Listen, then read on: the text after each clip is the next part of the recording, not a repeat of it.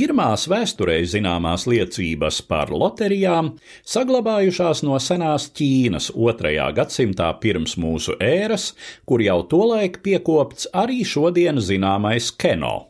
Ap Kristus dzimšanas laiku Romas imperators Augusts ar loteriju vācis naudu mūžīgās pilsētas pārbūvei. Līdz ar impērijas sabrukumu loterijas uz apmēram tūkstošu gadiem pazudušas no mūsu pasaules daļas dienas kārtības, lai atgrieztos jau viduslaiku izskaņā tā laika Eiropas aktīvākajos finanšu centros Ziemeļitālijas un Nīderlandes pilsētās. Tālāk loteriju ideja pārceļoja uz kaimiņu valstīm, Franciju un Angliju, iegūstot jaunu vērienu, kad to kā valsts kases pildīšanas instrumentu izmēģināja karaļi. Pirmo loteriju Anglijā sarīkoja karaliene Elizabete I, un tās izloze sākās Londonā 1569. gada 11. janvārī. Loterijas idejas autors bija Elizabetes galvenais padomnieks un valsts kases pārraugs Sērs Viljams Sesils. Anglijas karaļvalstī tolaik brieda konflikts ar vareno Spānijas impēriju, pie tam nolaistās ostas un pirātisms kavēja tirdzniecību ar kontinentu.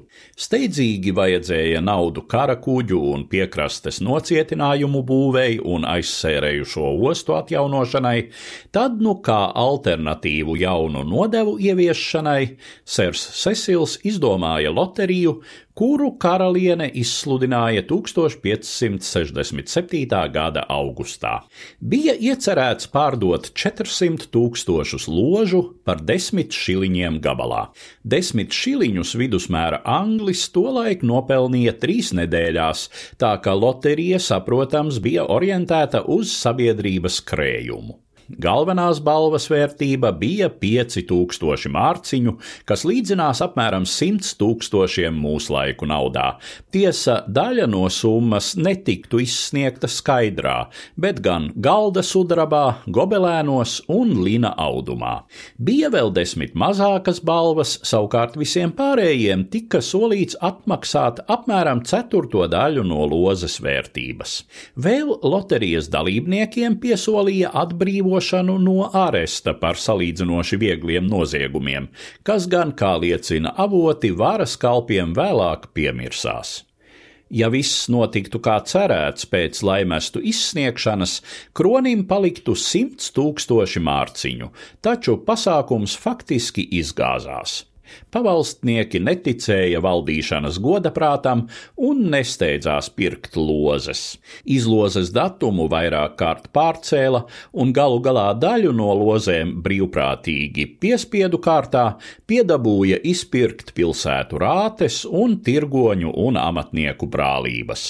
Saskaņā ar loterijas noteikumiem galvenās balvas apmērs tika samazināts proporcionāli kopumā ieņemtajai summai un nokrita kritās līdz 416 mārciņām, 13 šiliņiem un 4 pensiem, jeb 12. daļai no sākotnēji solītā. Savukārt kroņa ieņēmumi bijuši vien apmēram 5000 mārciņu. Arī laimestu izsniegšana reizumis bijusi visai īpatnēja. Piemēram, manufaktūras preču tirgotāju brālībai, kura nopirkusi vairāk nekā simts lozes, tās laimests izsniegts bruņu tēlu tērpu veidā, ar kuriem šie komersanti varējuši ja nu vienīgi izrotāt savas brālības telpas. Izlozes process ievilcies uz vairāk nekā četriem mēnešiem. To visu savā 2009. gadā iznākušajā grāmatā Likteņa bukmeikeri, kā loterijas mainījušas pasauli, apraksta britu rakstnieks un publicists Gerijs Hiks. Viņš piemin arī to, ka daudzi loterijas dalībnieki lozēs savu vārdu vietā rakstījuši pseidonīmus vai pat veselas epigrammas.